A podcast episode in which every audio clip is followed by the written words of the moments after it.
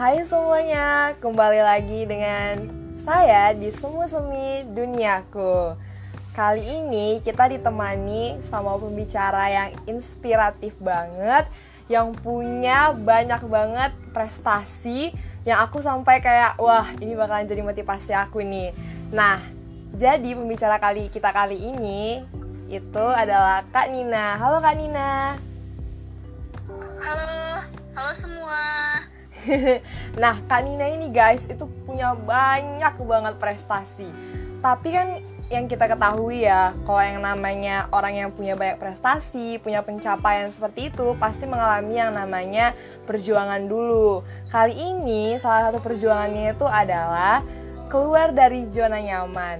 Jadi kali ini kita bakalan bahas tentang keluar dari zona nyaman bersama pembicara kita inspiratif ini yaitu Kak Nina. Sekali lagi dari disapa, hai Kak, hai Kak Nina. Hai Tia, hai semuanya. Apa kabar nih? Semoga ya sehat-sehat ya kan. Walaupun masa pandemi ini, tapi tetap semangat ya kan. Harus tetap semangat, harus melakukan hal yang produktif ya kan Kak? Harus dong. Oke, Kak, kita akan berbicara tentang keluar dari zona nyaman nih. Nah, iya. aku pengen nanya sama kakak nih, menurut kakak keluar dari zona nyaman itu apa sih? Nah, kalau keluar dari zona nyaman itu kalian harus bisa ngambil resiko, harus bisa uh, jangan ikut-ikutan gitu. Coba tanyakan diri kita sendiri gitu. Kita uh, nyamankah yang seperti ini gitu. Jadi kalau menurutku memang sih yang suatu nyaman itu enak ya kan. Tapi kalau misalnya enak terus nggak ada tantangan itu kayak uh, makan nggak uh, ada uh, apa-apa gitu hambar gitu terasakan. Hmm. jadi ya beranikan diri gitu. Emang sih awalnya sulit. Tapi kalau lama-lama kita terbiasa kita bakal menemukan hal-hal baru dari diri kita sendiri. Kita bisa ketemu sama orang kita hmm. bisa memahami karakter orang. Nah itu lebih uh, memotivasi kita gitu kan. Karena pengalaman itu nggak ada di buku kita harus cari gitu kita harus keluar gitu kita harus keluar dari box kita sendiri gitu kan mm-hmm. karena pada nyatanya itu semuanya itu bakalan uh, kita hadapin kan ke depannya gitu. Yeah. Nah kalau kita terus-terusan ke, uh, dengan zona nyamannya kita, kapan kita mau bergerak keluar? Dunia ini semakin canggih, kita bakalan tergantikan sama orang-orang yang mau bergerak gitu. Nah, iya. apa kita mau seperti itu? Gak mau dong, Kak. nah, nah Kak, jadi gini nih, boleh nggak sih kakak ceritain kisah kakak yang keluar dari zona nyaman gitu? Eh tapi bener bener kak, aku pengen sebelum kita masuk ke cerita kakak itu, boleh nggak sih kakak ceritain dulu um, gimana gambaran umum seorang kak Nina? Wah, gambaran umum aku ini orang yang biasa-biasa aja teman-teman. Jadi astaga. Astaga itu aja ya ampun. Nggak mungkin seorang kak Nina. Nggak mungkin gini, awal ceritanya itu awal ceritanya itu kita sama gitu kan. Maksudnya aku juga mahasiswa yang ibaratkan itu kuliah kuliah pulang kuliah uh -huh. pulang. Kalau istilah sekarang itu kupu-kupu pulang itu sejak aku semester 1 2 nah kenapa aku kuliah pulang kuliah pulang? Karena aku nggak nerima kenyataan bahwasanya aku bisa kuliah loh di sini gitu. Tempat kuliah yang nggak pernah aku mimpikan sebelumnya gitu kan. Jadi uh, kembali lagi gitu kan. Mungkin ini yang udah Tuhan berikan untuk aku gitu. Untuk hmm. aku uh, keluar gitu dari uh, zona aku gitu. Nggak semua yang kita mau itu dapat terwujud gitu. Kadang ada hal-hal yang Allah itu Tuhan itu lebih uh, but lebih tahu apa yang kita butuhkan gitu kan. Mm-hmm. jadi aku mulai semester 4 itu aku mulai meninggalkan hal-hal hedonisme gitu kan. Wah. Habis itu foya-foya kongko kongko nggak jelas gitu kan iya dulu itu aku seperti uh, apa sih yang aku apa, Kak? Uh, takut dunia kampus gitu aku kayak cuek gitu kan nggak nggak peduli ya udah yang penting jalan aja gitu kan hmm. kayak nggak nerima kenyataan banget aku ini jadi situ huh? hmm, terus itu masuk semester 4 aku mulai ikut-ikut organisasi nah organisasi yang pertama aku ikuti itu organisasi memang kerelawanan organisasi volunteer gitu. Aku nggak ikut lembaga-lembaga gitu enggak gitu. Kenapa aku suka kayak gitu? Jadi aku uh, ini uh, pas pulang tuh ya cerita sedikit. Jadi pas aku pulang kuliah aku yeah. lihat anak mahasiswa itu galang-galang dana gitu kan di jalan gitu kan. Kayak oh. seru banget gitu mereka galang-galang dana itu. Terus aku uh, agak respect gitu kan sama mereka. Terus aku hampirin mereka salah satu yang galang dana itu. Aku tanya kan ini untuk apa? Untuk bencana alam sinabung kalau nggak salah aku waktu itu kan. Wah. terus uh, ini ini dari komunitas apa? gitu. Apa kalian dibayar? gitu. Nggak dibayar gitu. Dan mereka itu ya uh, gimana ya? Kayak semua itu dikeluarkan demi orang lain gitu. Kayak aku yeah, yeah, yeah. aku ini apa sih? gitu. Kayak nggak bermanfaat banget gitu hidupku gitu kan. Kuliah pulang abis itu aku kalau nggak jelas ngabisin duit nggak ada apa-apa gitu yang aku bawa. Terus mm. apa gitu jadi aku sama orang tuaku gitu untuk membagikan kalau misalnya aku terus-terusan uh, kayak gini gitu kan uh, kok gak jelas gitulah. Jadi aku mulai ikuti organisasi kerelawanan semester 4 aku mulai set uh, iniku apa jadwalku mulai set targetku. Aku hmm. semester ini harus ini semester ini aku harus ini. Sampai pada titik aku semester 5 aku uh, tegaskan bahwasanya aku dalam semester harus bisa keluar negeri Wah. Itu ataupun dalam yang penting itu dibiayain gitu. Gak peduli keren, seberapa keren. jatuhnya aku, gak peduli seberapa gagalnya aku, yang penting aku harus keluar gitu. Itulah aku tempelkan di dinding kamarku. Terus habis itu gimana ya? Kalau menurut aku uh, ya mimpi itu uh, kejar aja gitu kan. Siapa tahu uh, dengan mimpi itu uh, ya tercapai gitu salah satunya walaupun nggak semua gitu kan. Mm-hmm. Tapi ya dari situ kan kita belajar ya kan? Arti indahnya proses arti indahnya kegagalan gitu. Nanti kita bakalan berterima kasih pada kegagalan-kegagalan kita yang waktu itu gitu. Astaga tersentuh ada hal-hal yang kita ceritakan sama orang lain gitu. Itu yeah. sih dia jadi itu asal mulanya kenapa kakak pengen keluar dari zona nyaman ya? Nah iya bener. Is keren banget kak. Apalagi tadi kak bahas kegagalan. Uh manusia penuh gagal aku kak. Oke okay, kak. Jadi uh, aku pengen nanya lagi nih kak. Um, kenapa apa oh ini nih. Apa aja kesenangan yang kakak korbankan untuk keluar dari zona nyaman itu? Kalau kesenangan ya? Iya. Yeah. Uh, banyak sih.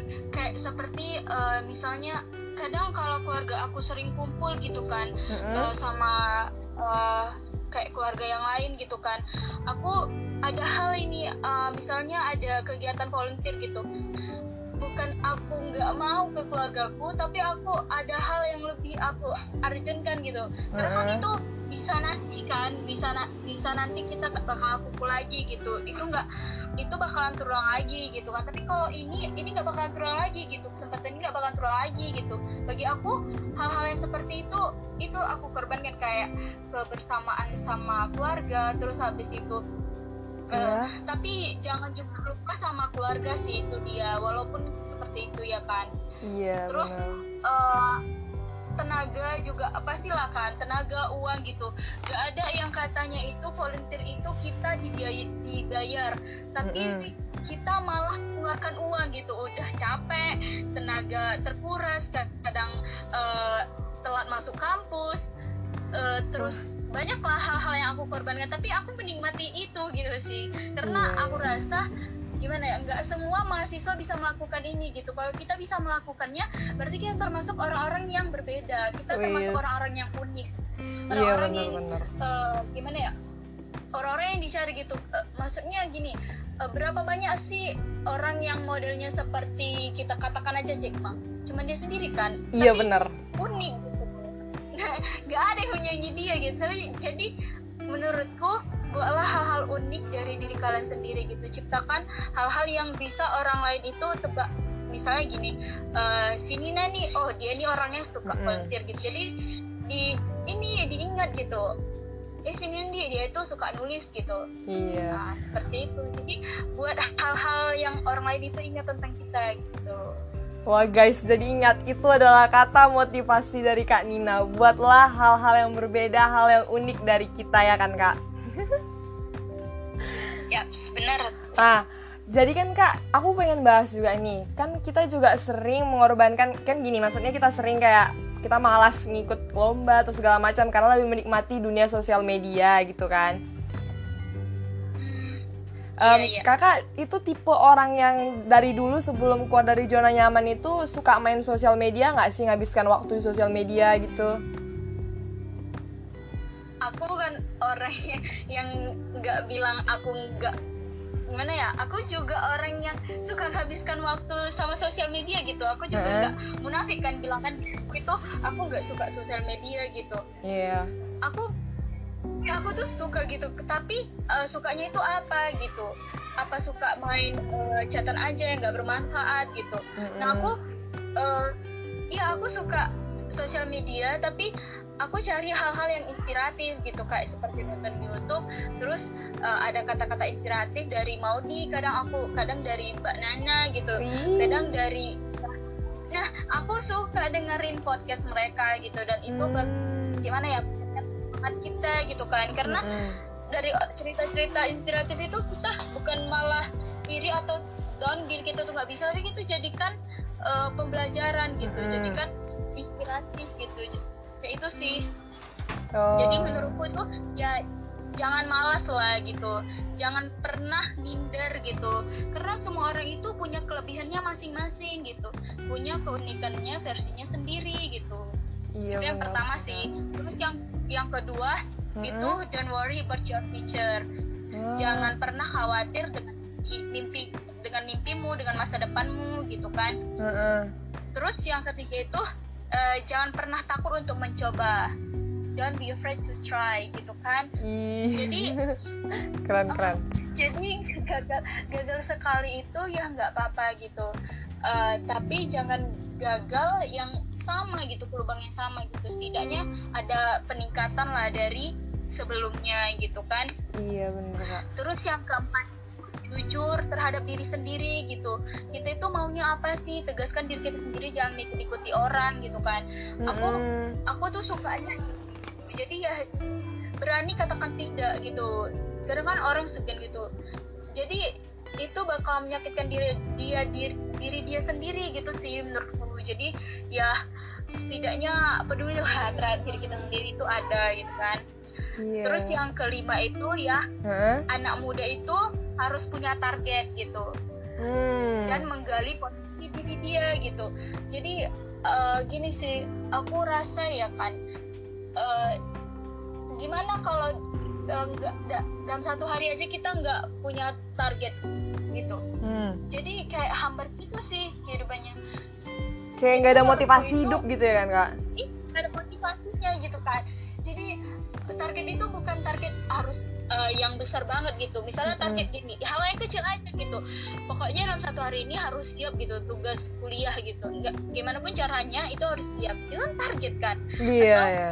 Besok aku harus bersihkan kamar gitu. Eh, Dari target kecil ya.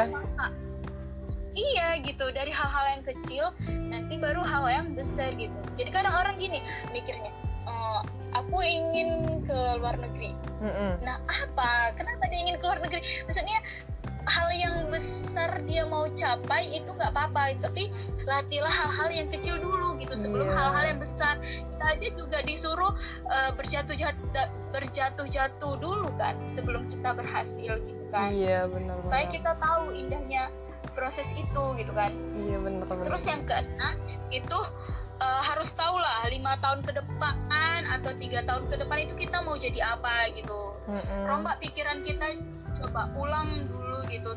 Mindset kita itu harus ubah gitu kan. Mm-mm. jangan aku gagal aku tapi aku bisa aku berhasil gitu. Aku yakin aku mampu gitu. Kalau diri kita sendiri nggak bisa kita yakinkan gimana kita mau up gitu? Gimana kita mau eh, gimana ya mencapai target-target yang telah kita susun atau Mm-mm. telah kita rancang. Jadi itu sih rasa aku tips dari aku gitu. Jadi jangan Iya. pernah malas lah Iya, aku dengar kakak bicara kayak gini aku tersadar loh kak. Soalnya aku juga sering melakukan hal-hal yang salah dan aku dengar kakak ini kayak uh aku harus berubah nih Kak. iya oh eh, terus kak aku juga pengen na- pengen nanya juga nih kak Em, kan waktu kakak pertama keluar dari zona nyaman itu pasti yang misalnya nih yang aturannya kakak kayak gini jadi harus berusaha untuk begini gitu kan keluar dari zona nyaman. Itu kira- kira-kira pertama usaha kakak itu apa sih gitu? Pertama-tama untuk melangkah dari keluar dari zona nyaman itu gitu. Usaha itu yang pertama aku harus yakinkan orang tua aku. Hmm. itu sih usaha karena kan gini ya aku kan anak perempuan paling besar gitu. Jadi orang tua aku tuh takut jika anaknya itu kenapa-napa gitu kan. Mm-mm. ya wajar lah namanya orang tua kan. Terus aku harus bisa yakinkan orang tuaku dulu itu dulu dia. Aku harus bisa tanamkan kepercayaan kepada orang tuaku kalau aku itu bisa loh. Aku itu mampu. Kadang ada orang insecure terhadap itu gitu kan terhadap Mm-mm. orang tuaku nggak ngasih aku ini nggak nggak nggak bolehkan aku ini nggak boleh ngikutin kegiatan ini nggak dukung aku nggak support nggak apa gitu kan. Nah, Mm-mm. Kalau menurutku itu itu tergantung tekad dan kemauan kita sendiri sih gitu. Kalau kita tekadnya kuat kita pasti mampu dan bisa meyakinkan orang tua kita. Hanya dia itu perlu hasil loh orang tua itu. Dia nggak Iya. perlu proses kita. Kita aja gitu yang yang tahu proses kita gitu. Cuman kasih tahu hasilnya ini ini mah hasilnya gitu kan. Pasti Mm-mm. nanti kalau kita mau ke mana-mana dia percaya gitu. Itu sih itu usaha yang paling eh, gimana ya menurutku paling penting dan paling utama sih yang harus aku lakuin gitu kan. Mm-mm. terus usaha yang kedua itu harus tahan banting. Tahan banting bah iya. Iya karena karena keluar dari zona nyaman itu eh, resikonya emang sih besar ya rasa aku ya menurutku Mhm. gitu kan.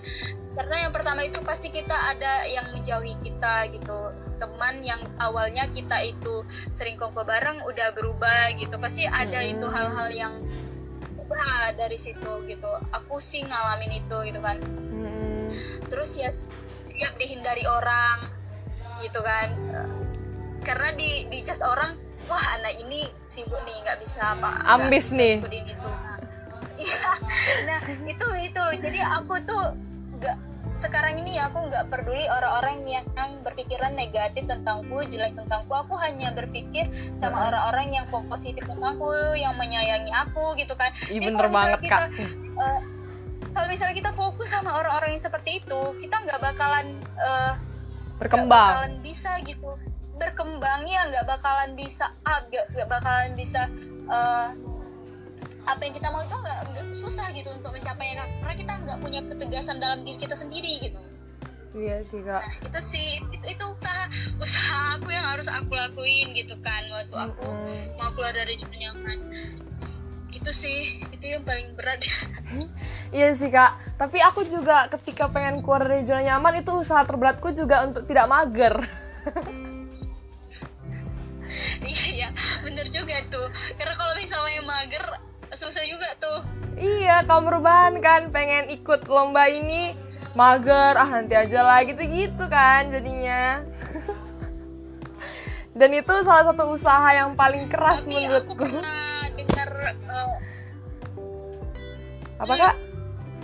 tapi gini gini aku pernah dengar eh, pepatah gini pernah dengar pepatah bilang eh, rebahan sepuasnya tapi berjuang selelahnya eh sih? kayak seperti itulah Weh. Bener-bener. nggak apa-apa rebahan re- rebahan se- sepuasnya ya nggak apa-apa gitu kan Heeh. tapi berjuanglah selelah-lelahnya gitu Tapi yang lebih bagus, lebih bagus dikurangi rebahannya supaya jangan lelah kali nggak sih kak berjuang? Iya sih kadang gini ya, kadang ada orang yang ada namanya titik jenuh gitu. Kita Hmm. juga nggak bisa pungkiri kita orang yang produktif atau apa. Kadang aku sendiri pun ada namanya itu kejenuhan gitu kan, Hmm. terus eh, lelah gitu kan. Nah kita perlu refreshing, kita perlu eh, apa kayak jalan-jalan atau apa gitu kan. Tapi ya Hmm. tetap bermanfaat gitu. Jadi itu juga sih yang jadi eh, membalikan motivasi aku, membalikan semangat aku. Kadang kalau misalnya aku jenuh kan aku kembali lagi gitu ke titik awal. Aku apa sih yang mau aku lakuin gitu.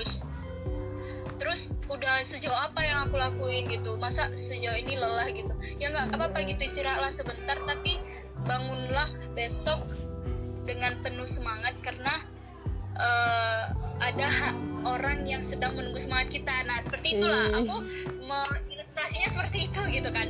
Jadi kalau aku lelah ya nggak apa-apa aku istirahat gitu. Tapi jangan lama-lama gitu kan. Iya. Karena ada hari yang menunggu semangat kita gitu. Iya jangan jadi kaum rebahan.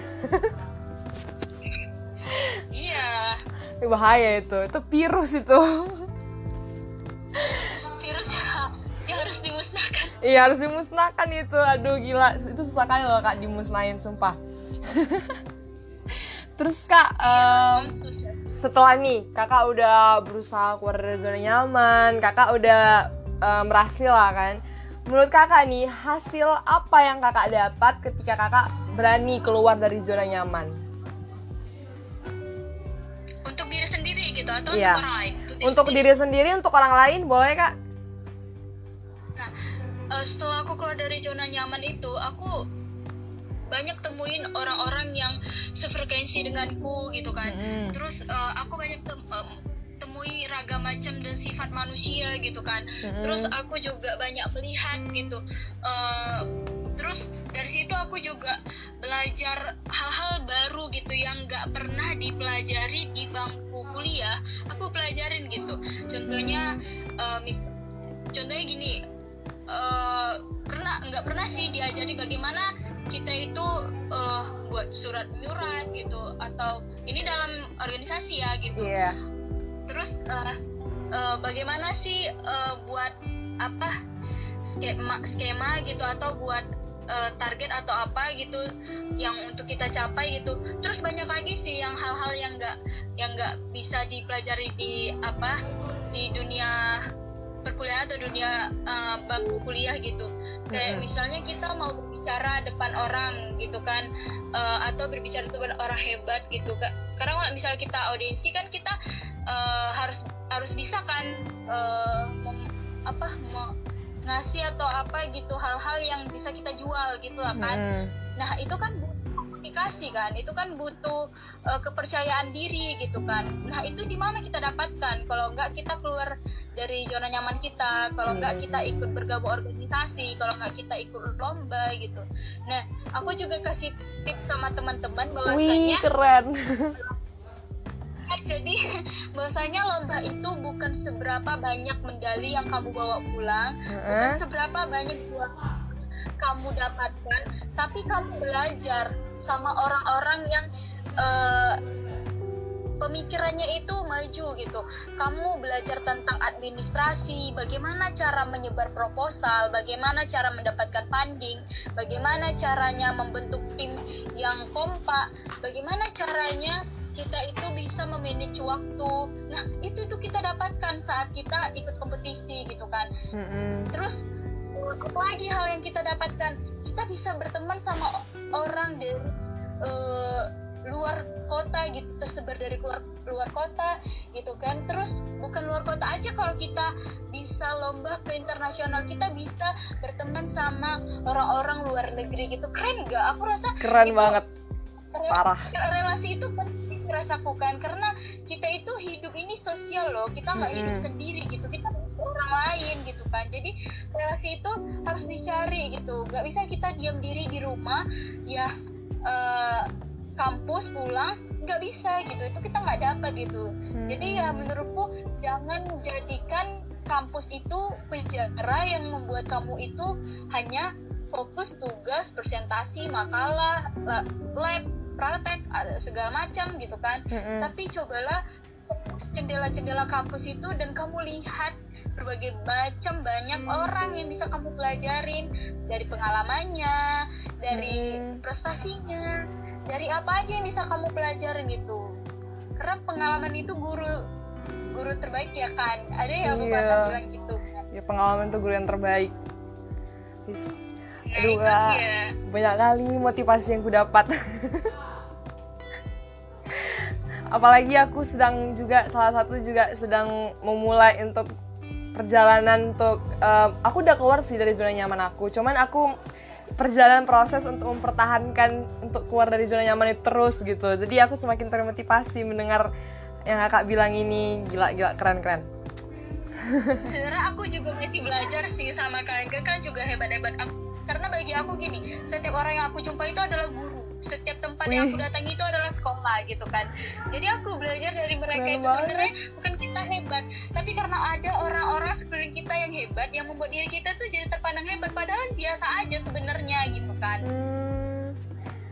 wah merendah kayak ini. Karena gini, karena gini kan kita pasti ada mentor lah di balik perjuangan kita kan. Yeah. maksudnya mentor itu enggak nggak uh, dikatakan kayak teman-teman produktif nggak. Mentor itu bisa jadi orang tua gitu. Mm-hmm. bisa jadi Tuhan gitu kan. Yeah. bisa jadi uh, siapa aja gitu yang membuat uh, kita itu terinspirasi dari dia gitu sih. Iya. Dan Kak Nina adalah mentorku juga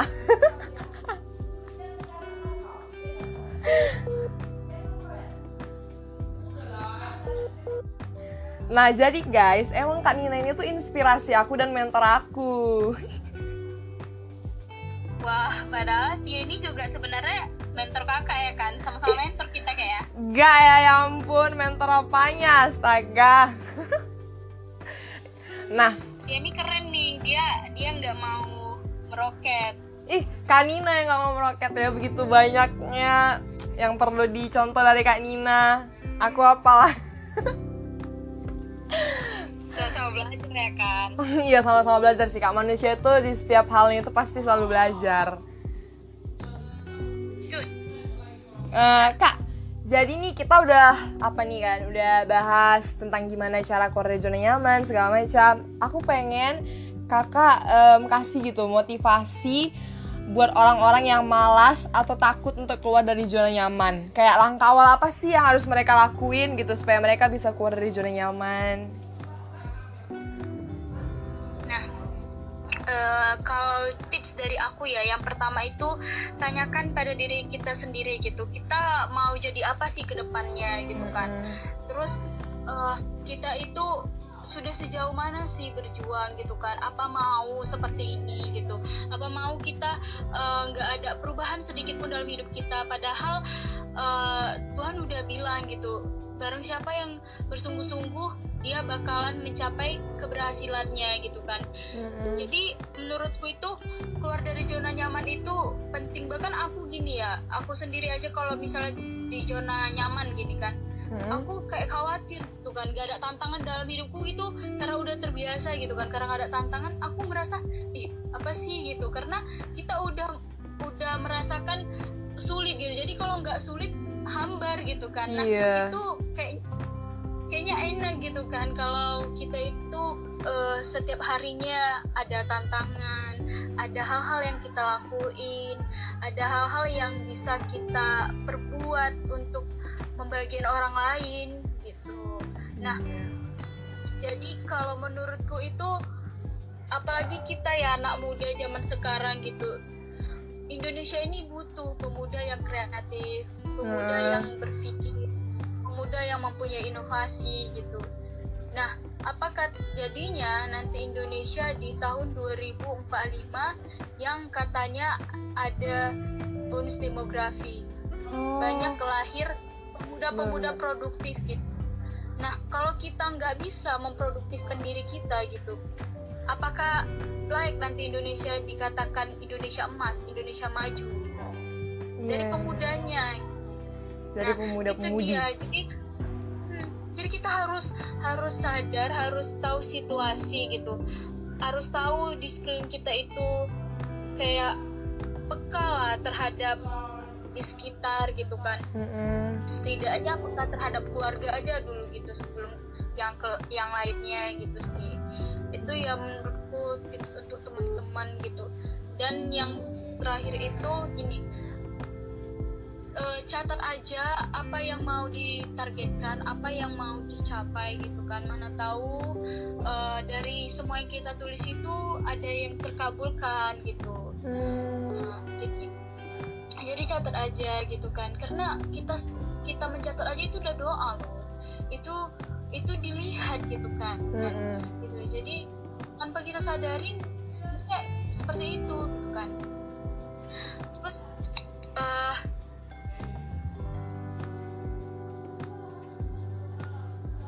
halo kak Iya dengar kak Lanjut. lanjut kak Oke, jadi menurutku itu juga mimpi bukan hanya secari kertas yang diukir indah tanpa ada eksekusi nyata untuk perahinya gitu. eksekusi Jadi harus ada, iya harus dieksekusi gitu, harus di action gitu. Kita Mm-mm. udah rencana, udah set, udah, udah buat ini segala macam. Nah tinggal apa? Aksinya dong gitu. iya sih bener-bener Mana kontribusi nyatanya kayak gitu? Itu dia gitu. Jadi ada orang yang suka nyatet aja mimpi, tapi ya udah dilihat aja, dipantengin aja gitu setiap hari tanpa dia eh, apa? Tanpa dia melakukan apa-apa, dikira dia tercapai itu mimpi enggak gitu. Hmm. Mimpi itu nggak tercapai kalau nggak ada usaha gitu. Jadi ada namanya usaha plus Hmm. privilege gitu, itu keberhasilan sama Hmm. dengan Iya bener-bener kak. Bener-bener. Keren keren keren keren. Dan menuju keberhasilan itu juga harus punya konsisten, punya Mm-mm. balance. Iya sih kak, itu juga yang pengen aku tanyain pertanyaan selanjutnya kan. Soalnya kan kayak kita udah bikin nih setting plan kita, kita tulis gitu kan. Tapi banyak juga kayak yang awal-awalnya aja gitu dia semangat eh, ngerjain plan dia. Tapi lama-kelamaan nanti dia balik lagi ke zona nyaman dia. Dia lupain lagi plan dia gitu kan.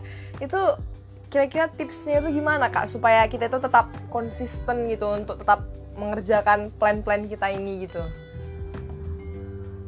Nah, yang tips konsistennya itu yang pertama kita harus memang bergaul da, apa dari lingkungan-lingkungan yang produktif gitu. Mm-mm. Jadi itu akan mendorong kita ketika kita jenuh, ketika kita down, ketika kita udah nggak konsis lagi terhadap mimpi kita, tapi kita berkumpul sama orang-orang yang produktif, kita melihat kayak gini ya. Kalau kita lihat orang-orang yang eh, inspiratif gitu, bakalan mendorong kita kan, Iya bakalan jadi motivasi kita juga gitu.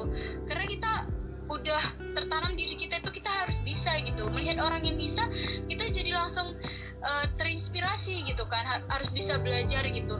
Emang nggak nggak mudah. Aku pun sekarang ini masih belajar juga sih gitu.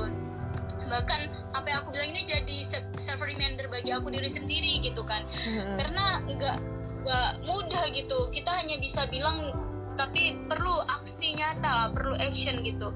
Jadi aku juga nggak bisa memaksakan teman-teman itu harus seperti ini harus kayak gini gitu. Tanyakan diri teman-teman sendiri gitu kan.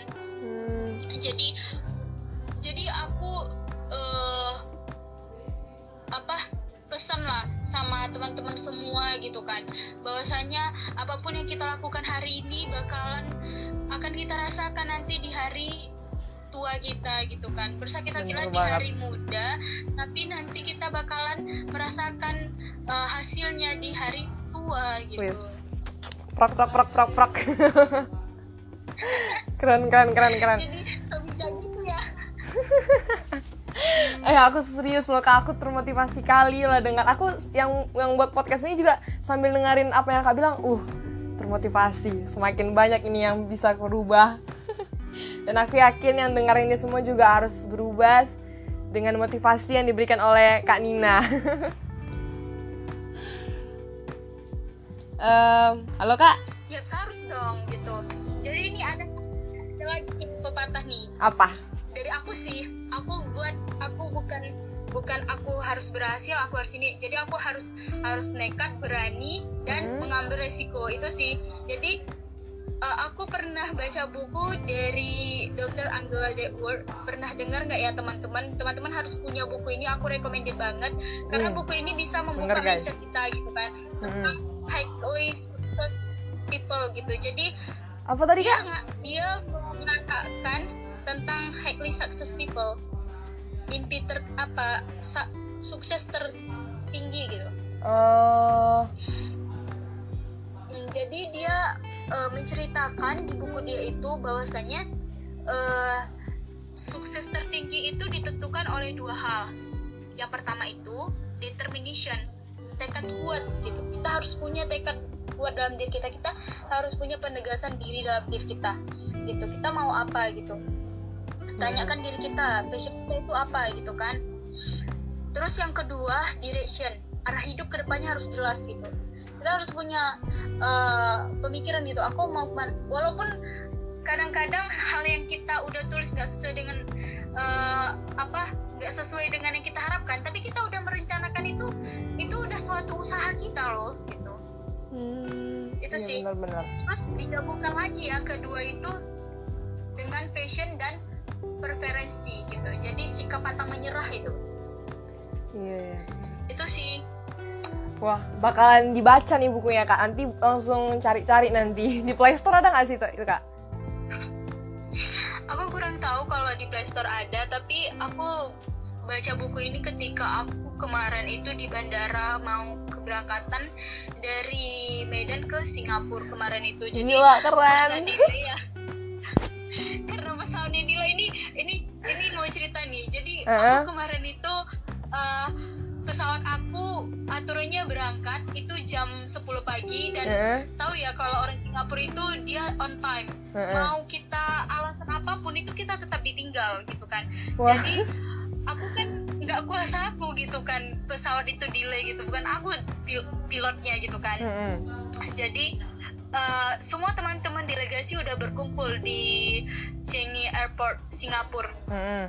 jadi uh, aku kabarin dong uh, eh, LO aku gitu. Aku gak bisa nih tepat waktu sepertinya kan karena pesawat aku nih delay gitu. Jadi uh, dia bilang gini nanti ketika kamu sampai di sana kabarin ya. Asli ketika aku sampai di sana bener-beneran ditinggal. Itu gimana rasanya? Aduh sakit kak. Baru pertama kali keluar negeri aku ditinggal aku nggak tahu aku ke mana dan yang paling parahnya aku nggak nukar uang dolar Singapura. Wah jadi gimana dong kakak? Itu, itu apa apa gitu. itu, nah itu kayak keluar dari zona nyaman aku banget ini kan gitu. Gila, gitu jadi bener. aku berusaha uh, cari solusi gitu kan uh, jadi untung aja gitu kan ada orang baik aku percaya di setiap tempat yang kita kunjungi kalau kita niatnya baik bakalan ada orang yang nolong kita gitu yeah. tanpa kita sadari gitu kan mm-hmm. jadi aku ditolong sama orang yang sebangku pesawat sama aku gitu kan mm-hmm. dia tanya aku aku lagi apa terus aku bilang aku lagi nunggu temanku terus kata dia uh, di mana temannya? Kata aku nggak tahu karena aku nggak ada pulsa untuk apa gitu kan. Rupanya di Cheng Airport itu ada wifi gitu. Aku nggak koneksi gitu situ kan. Jadi kata dia ada nih wifi gitu kan kasih taunya. Terus aku login aku telepon. Terus aku telepon ternyata mereka itu udah di SMU Singapore Management University. Udah uh. ke sana mereka jadi ya kak sudah di, di bandara itu jaraknya itu jauh banget. Kira-kira ada setengah jaman gitulah dari dari bandara gitu kan. Aku uh -uh. nggak tahu apa apa ya jadi jadi aku cerita sama orang yang di sebelah aku ini yang nolong aku kan. Jadi dia bilang dia ternyata lewat dari situ gitu rumahnya gitu kan. Uh -uh nah syukur alhamdulillahnya dia itu mau ngebantu aku gitu kan. Padahal kita tuh belum pernah jumpa gitu. Aku sama dia belum ada kontak apa apa kita belum pernah jumpa sebelumnya. Tapi aku nggak merasa khawatir gitu dan aku nggak hmm. merasa aku bakalan dijebak sama dia gitu. Karena kan ada orang luar negeri nih takutnya ada hal-hal yang nggak kita inginkan gitu kan. Tanda kutip ada orang kriminal yang jahat sama kita gitu kan. Hmm. tapi aku percaya aja gitu dia ini baik gitu. Dan akhirnya aku berjumpa sama teman-temanku gitu. Jadi hmm. satu pelajaran sih yang aku ambil dari dari ini. Bahwasanya di mana pun kita berada di mana pun tempat yang kita uh, tuju kalau kita hmm. niatnya baik bakalan ada orang-orang yang ingin menolong kita gitu. Tanpa kita sadari sebelumnya gitu sih. Iya. jadi kalau menurut aku percaya aja gitu uh, pada apa pada takdir Tuhan gitu. Karena takdir Tuhan. Tuhan nggak? Mungkin kan maksudnya Tuhan nggak mungkin uh, gimana ya? Nggak mungkin membiarkan hambanya itu uh, pada hal-hal yang buruk gitu. Dia iya, pasti bener. lihat gitu kan. apalagi dengan Terus niat sih, yang baik. Hmm benar. Iya benar-benar wih nah itu aja kak udah keluar dari zona nyaman banget ya gila. Aku aja panik pasti di situ. sebelumnya loh. Panik pasti kak panik asli panik kalau orang yang dia ini ya orang yang panikan gitu ya kan. Aku Mm-mm. memang awalnya juga panikan tapi aku coba menenangkan diri gitu kan. Iya cuma menangkan diri Kalau karena panik nggak nggak temu dong solusinya Mm, gitu bener kan. bener nggak ketemu solusinya. Jadi berusaha untuk menangkan diri lah jadinya. Iya bener aku ya motivasi diri sendiri aja sih. Gak ada yang motivasi orang aku motivasi diri sendiri. Aku udah sampai nih gitu aja lah. aku aku jumpa nih sama orang ini nih. Eh, padahal itu hal yang rasaku di gak gak gak mungkin gitu aku bisa jumpa sama orang itu karena aku benar-benar udah ditinggal gitu. Iya Aku- untung aja gitu ada yang orang baik gitu ya. Untuk iya untuk menyemangati diri kan setidaknya. Mm-mm, bener bener bener. Jadi ingat guys di saat kesulitan sendiri itu semangati diri sendiri pasti ada jalan. Ya sebenarnya Nah, em, aku juga ada sih kak yang aku penasaran juga nih. Soalnya kan aku tahu nih kak Nina itu ikut lomba, ikut organisasi, bahkan juga punya organisasi buat buku ya kan. Kayak, ih kakak ini waktunya itu gimana sih manajemennya? Aku percaya bahwa manajemen waktu itu juga keluar dari zona nyaman kan. Jadi aku penasaran gimana sih kakak memanajemen waktu kakak yang yang dengan banyaknya kesibukan kakak itu gitu. jadi ini pertanyaan yang udah sekian kali orang tanya ke aku Wah, kan. pantas ya. Iya. jadi gini kan sebenarnya gini simple sih jawabannya Apa kak? Nah, jawabannya kita kalau udah selesai satu ya udah jangan eh, jangan rehat dulu selesaikan lagi gitu udah semua tuntas baru dong rehat gitu itu sih Oh. jadi gini jadi gini kan eh, misalnya aku ada tugas ini di hari ini A B C D gitu kan gitu. Hmm. jadi ini deadline-nya hari ini nih semuanya deadline-nya hari ini gitu jadi ketika ada orang bilang gini makanya aku sering tanya eh, deadline-nya kapan gitu kan aku catat deadline-nya gitu kan Mm-mm. kira-kira aku berapa hari ya aku bisa mengerjakan ini gitu aku set jadwal aku buat alarm di eh, di handphoneku kita kan ada handphone punya alarm ya kan Mm-mm. jadi itu bisa digunain banget gitu jadi gunain itu sih aplikasi itu sangat eh, gimana ya sangat bagus lah untuk kita gitu. Yang bagi kita orang yang eh, suka kerja di lapangan gitu atau apa gitu kan. Jadi aku tuh buat jadwalku gitu kan. Kalau Mhm. di kamarku tuh banyak kertas-kertas yang bertempelan. Tempelannya itu bukan surat cinta teman-teman. Oh, surat cinta. tapi tempelan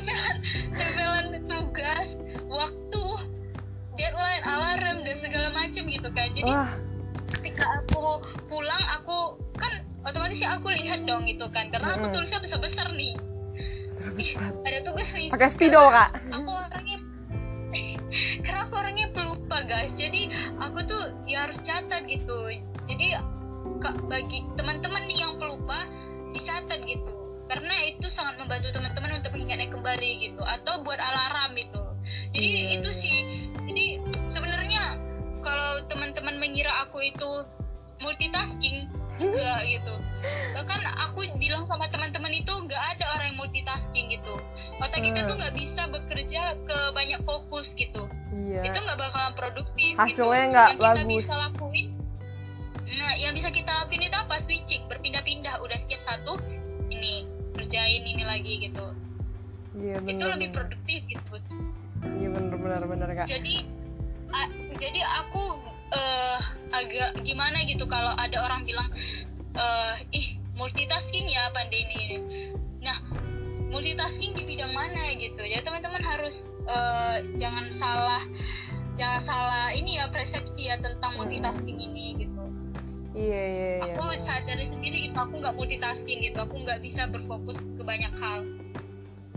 Iya. walaupun pada pada dasarnya otak kita ini suka yang eh, baru-baru gitu Mm-mm, Bener bener. suka banyak-banyak gitu kan tapi itu nggak produktif teman-teman jadi teman-teman harus bisa memprioritaskan terlebih dahulu apa yang bisa dikerjakan dan itu urgent bentuknya gitu Iya. jadi yang bisa kita lakuin itu sebenarnya single tasking tapi lebih produktif lagi switching Iya. tuh Dan jangan menunda-nunda ya kan kak? Iya benar jangan ada kata nanti tapi kerjakan. Aduh, aku sering banget lagi nunda-nunda. aku juga awalnya sering sih nunda-nunda. Bahkan kadang kalau misalnya jenuh pun aku nunda gitu tapi mau sampai kapan sih nundanya gitu? Iya. hari berjalan terus jam berputar terus. Kita harus mendorong diri kita sendiri ya kan kak. nah iya benar gitu. Karena jam itu nggak mau nunggu kita. Dia kejam jam ini. Kita harusnya mengejar jam. Jadi kita harus bisa ngeset eh, jadwal kita sendiri gitu Hmm. itu Iya, sih iya. Iya kak, oke kak. Nanti aku bakalan kayak gitu ya kak. Aku kayaknya bakalan ikut cara kakak sih. Soalnya aku orangnya juga apa namanya? Aku kadang bingung kan. Kok kayaknya kak Nina itu gimana? Lah bisa manajemen waktunya begitu banyak yang dia lakukan gitu kan. Ternyata berarti kita selesain dulu yang yang kita selesaikan, baru eh, baru setelah itu lanjut lagi ke yang lain gitu ya kan kak. Jangan nunda. Ya benar. Tapi satu lagi jangan lupa alarm. Oh iya alarm, kadang bener. kalau kalau kadang kan kalau kita kan ya suka em, malas ngebaca kadang kan. Tapi kalau diingati sama alarm kita bakalan ingat. Karena kan di situ te- tercantum ya kan tugas apa gitu. Aku buat Hmm. sih. Dengan teman-teman sih. Aku biasanya buat jam berapa deadline-nya tugasnya apa dan itu prioritas atau enggak gitu. Aku buat Hmm. gitu. Iya iya iya. Benar benar benar. Biar teringat ya kan bunyi alarm terus terbaca. Oh jam segini Tiara harus kayak gini. Iya, bener. gitu teman-teman aku, aku juga menjadwalkan jam tidurku jam makanku terus eh, jam-jam yang enggak enggak enggak ini sih biasa aja gitu tapi aku aku buat aja gitu Biar teratur ya kan kak. Biar hidup itu teratur gitu. iya walaupun kita itu nggak teratur-teratur amat tapi setidaknya jadwal kita teratur lah ya kan biar Iya. itu bakal memperbaiki diri kita juga gitu kan Iya kayak yang ada di buku itu loh kak yang Seven Habits itu yang ke- tujuh kebiasaan yang bisa kita lakukan yang iya iya iya ah, ah. yang mengubah. iya aku iya aku pernah baca itu Mm-mm. bukunya kalau nggak salah ya. tapi ya sih aku pengen beli juga itu buku Mm-mm, soalnya iya itu kak bagus itu teman-teman bagus banget keren keren. Soalnya tuh bukunya kayak bilang kayak kita itu dari kebiasaan kita walaupun ma dari misalnya kayak kita teratur makan teratur terus segala macam itu kebiasaan yang akan mempengaruhi kita di masa depan gitu lah. Benar tuh teman-teman harus baca dan harus ikutin tuh tipsnya iya kayak kak bilang kak Nina bilang dari hal kecil kita harus melakukan sesuatu yang berubah gitu berdampak ke diri kita sendiri. Oke kak. Terus ya teman-teman Hmm? prestasi itu juga gini aku juga mau kasih sedikit ya. Jadi prestasi itu bukan eh, banyaknya kejuaraan tapi seberapa bermanfaat kita sama orang lain gitu. Kontribusi jadi ya kan kak prestasi aja nggak bermanfaat sama orang lain rasa aku itu eh, nonsens sih. Itu bukan Mm-mm. dikatakan prestasi. Bener-bener kontribusi. Kalau kalau kita punya mimpi itu biasa. Tapi jika tapi jika mimpi kita bisa menginspirasi orang lain itu baru luar biasa. Weh. ya. Keren keren keren keren. Btw guys kakak ini juga udah ngeluarin buku loh. Buku yang inspiratif banget. Apa kak judulnya kak? Eh apa? Aku juga lupa. Buku sendiri lupa Jadi jadi gini teman-teman. Aku juga eh, kemarin aku juga nulis artikel kan Heeh. jadi dia banyak judul-judulnya. Jadi karena kalau misalnya orang tanya kemarin kak judulnya apa? Aku harus buka ini dulu nih buka laptop terus aku tengok judulnya apa ya kemarin. Saking banyak ya kayak tulisan kakak ya? Nggak banyak juga sih. Masih banyak juga orang-orang yang penulis hebat tapi Hmm. aku orangnya karena itu suka lupa jadi itulah aku catat jadi malu ya teman-teman kalau misalnya aku lupa Hmm. jadi kalau aku lupa itu aku kadang agak lama gitu kan karena aku cari dulu apa ya kemarin itu. Iya uh sampai lupa judul bukunya. Iya iya jadi judul aku The Journey of Dreams tentang perjalanan mimpiku gitu. Itu Wah. memang asli nyata kisah nyata ya kan kak? 80% sih asli Iya maksudnya 80% um, eh, 95% lah eh, Hmm. kisah nyata aku gitu di buku itu. oleh Nurlin apa kak oleh siapa Apanya? oleh nama kepanjangan kakak siapa Jadi teman-teman nama kepanjangan aku itu Nurina Marani tapi Eh. kebanyakan teman-teman aku Nina jauh banget Iya. ya kan gak ada contoh gitu nama panjang dan na- nama panggilan tapi teman-teman aku punya cerita dengan nama panggilan ini Wah ada cerita lagi guys nama panggilannya. ada di bukuku jadi beli aja deh nanti kasih siap nih spoiler, spoiler kak.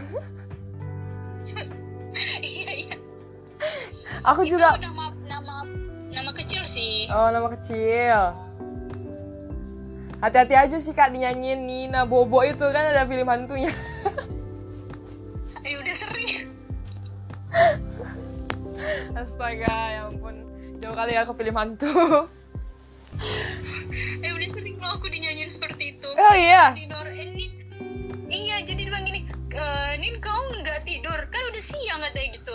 Aku nyanyiin. Wah gila nih orang. As- Obsesi kali dengan lagu Nina Bobo kali dia ya. Iya, soalnya kan ada film hantunya juga kan kak. iya bener tuh Ya, jadi guys, buruan beli bukunya. Ini aku aja lagi ngumpulin uang untuk beli buku Nina dan harus dibeli sini. Keren banget bukunya. Baru keluar ya kan kak? Masih ada promo nggak? oh iya nanti aku buka dulu soalnya gini kan yang kemarin itu kan ada pemesanan 40 eksemplar jadi itu masih dalam uh, pengiriman karena dari Jawa ke Medan itu ada sedikit gangguan pengiriman gitu kan Hmm. jadi kalau itu udah sampai mungkin akan ada tahap kedua gitu teman-teman Wah bukunya udah sampai Itu ya. keluar Sumatera guys, udah sampai ke Jawa bukunya. iya tapi sangat disayangkan hanya ada di Jawa kalau buku-bukunya kalau di luar Jawa itu ya pesannya online gitu Hmm. aku lagi lagi proses sih penerbit mayor jadi ada dua penerbit ada penerbit ini sama penerbit mayor. Kalau penerbit mayor itu seluruh eh, toko buku yang ada di Indonesia itu tersebar gitu. Oh jadi iya. prosesnya sangat lama gitu. Tapi kalau penerbit indie dia hanya beberapa toko dan eh, itu ada syaratnya juga gitu. Hmm, iya. itu sih. jadi kemarin itu aku penerbit indie gitu. Dan dan ini eh, mudah-mudahan sih aku mau coba penerbit mayor gitu kan doain ya teman-teman semoga Amin kak. eh, juga tulisan ini karena eh, nggak nggak mudah juga ya teman-teman karena kita juga harus nunggu revisi Mm-mm. ada antrian ada proses editor aku juga kemarin itu sempat mikir ini kayaknya nggak bakal lulus penerbit ini karena ada juga penerbit indie yang dia tim seleksi gitu kan Mm-mm. karena aku tengok kan di webnya udah banyak nih buku yang keluar kok buku aku nggak nggak diapa-apain gitu kan jadi udah udah ngerasa gagal gitu kan rupanya Lulus eh, ya kak? dua minggu kemudian aku iya aku nengok email rupanya ada eh, pesan dan eh, dia menyatakan bahwasanya lagi proses penerbit gitu lagi eh, terdaftar di ISBN gitulah Hmm, keren keren keren keren keren. Dan ini juga salah satu wujud kontribusi kakak untuk sosial ya kan kak. Jadi orang bisa termotivasi dengan membaca buku kakak. Hmm, iya teman-teman. Jadi gini, eh, kalau kita bukan anak pejabat, kita bukan anak menteri atau anak raja, Buruh, maka kita menulis gitu. kaum buruh. Jadi kita menulis lah gitu, karena Mm-mm. tulisan itu nggak bakalan eh, terkubur, nggak bakalan hilang di peradaban zaman gitu. Jadi kalau kita udah hilang, tapi tulisan kita tetap hidup, tetap ada orang yang baca. Gitu. Iya, tetap Itu sih. dikenang, tetap Kenapa- bermanfaat. Aku nulis itu sih. Iya benar. Hmm, bener, keren banget sih kak. Terus kakak ini juga punya organisasi guys. Aduh, keren banget organisasi sendiri. ini Tia kebanyakan ini ya Muji aku jadi gimana gitu. Awas main kupingnya kak. Jadi aku masih belajar sebenarnya. Jadi organisasi itu ya sebenarnya masih belajar sih. Aku juga belajar sama mereka kan. Mm-mm. karena gini kan kenapa aku niat ik- eh, bu- apa buka organisasi ini? Yang pertama itu karena aku melihat di sekelilingku itu aku karena backgroundku pendidikan aku lihat anak-anak SMP gitu nggak pandai baca gitu kan? Mm-mm. gimana gitu anak-anak desa itu nggak terjamin kualitas pendidikannya katanya janji kemerdekaan itu akan mencerdaskan anak bangsa tapi kok ada ya anak bangsa nggak eh, terlunaskan janji kemerdekaan itu itu sih rasa aku jadi itu bukan tugasnya negara aja tapi itu tugas kita semua Iya, gitu benar. rasa aku Tugas kita semua. Nggak hanya pemerintah ya kan kak. iya kita harus saling kolaborasi gitu Mm-mm, keren banget. Keren keren keren. Kita harus mencontoh kak Nina ini. Iya contoh baik-baik aja teman-teman yang buru-buru gak usah dicontoh. Tapi serius loh kak. Kakak uh, keren banget. Entahnya aku lagi berusaha banget untuk proses seperti itu kak. Oke kak. Em, kita kayaknya udah lama banget gak sih kak? Jadi kayaknya em, kita sampai di sini dulu nggak sih kak soalnya ini waktunya udah udah 55 det- menit 19 detik boleh boleh Tia boleh ditutup boleh Iya. Ya, udah lama ya nggak terasa ya teman-teman Hmm, nggak terasa Nanti, banget. eh, yang Iya siapa pun yang mendengar ini semoga kalian juga bisa mewujudkan mimpi kalian kalian juga bisa Amin. terinspirasi semoga nanti di lain kesempatan aku bisa sharing-sharing lagi gitu Ih, kan banget. dan aku dan aku juga masih tahap belajar Makasih banyak ya Kak Nina udah men- menceritakan kisah inspiratifnya, terus tips-tipsnya. Terus jangan lupa guys dibeli bukunya. Yang Aku pastinya, ya, kasih nih sama Tia aduh keren banget. Aku benar-benar kayak akhirnya ada suara apa namanya inspiratif juga datang ke podcastku. Aduh makasih banyak banget ya Kak Nina Semoga kakak sehat selalu sukses semuanya Sukses kuliah, sukses mimpi-mimpi kakak dalam meraih mimpi kakak Pokoknya sukses semuanya Dan semangat Amin ya, semoga Tia juga ya. Aku juga terima kasih nih sama Tia yang udah kasih aku kesempatan untuk berbagi sama teman-teman semuanya. Oke Tia, Ya makasih banyak kak Dadah Kak Nina dah.